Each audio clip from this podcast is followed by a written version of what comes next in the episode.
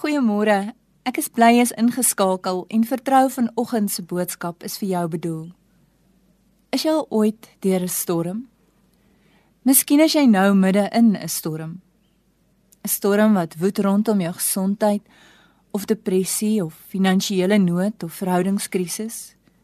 Storms verskil, maar wat storms in gemeen het, is dat hulle 'n verlammende effek op ons kan hê.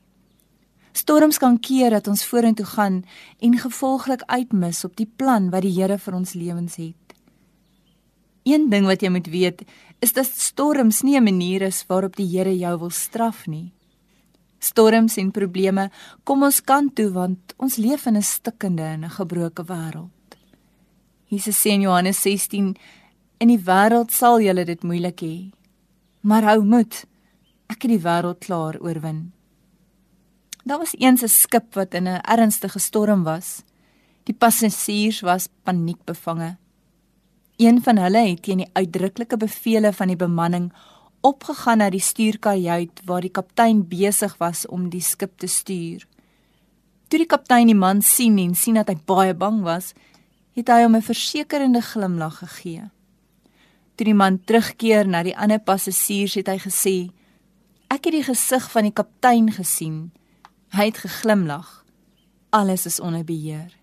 Die Here laat ons sy gesig in aanhalingstekens in die woord sien en hy laat ons sien hy is in beheer. Ons hoef nie bang te wees nie. Die Here wil hê ons moet hom vertrou. Ons moet vashou aan sy beloftes ongeag wat in ons lewens aan die gang is.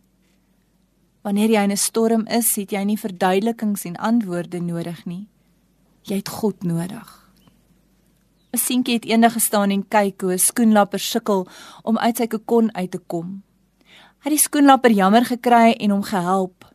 Maar toe die skoenlapper uit is, kon hy nie vlieg nie. Hoekom? Want is terwyl die skoenlapper sukkel om uit die kokon uit te kom, dat sy vlerke sterk genoeg word om te kan vlieg. Maar toe die seun die sukkel wegvat, kon die vlerke nie sterk word nie.